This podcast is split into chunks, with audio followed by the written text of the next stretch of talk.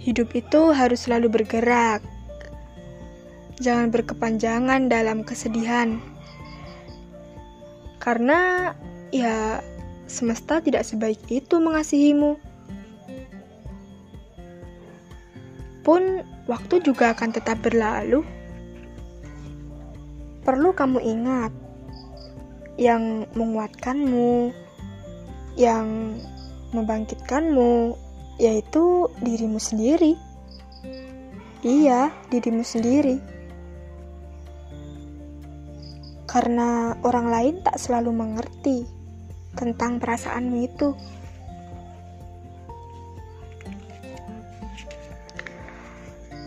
Mulailah dengan kata-kata positifmu. Kamu bisa, kamu kuat, kamu yakin, kamu mampu. Setelah itu tersenyumlah dan mulailah bergerak. Bangkit dan bergerak walau merangkak. Tinggalkan masa lalu. Memang tidak mudah menjadi sekuat itu.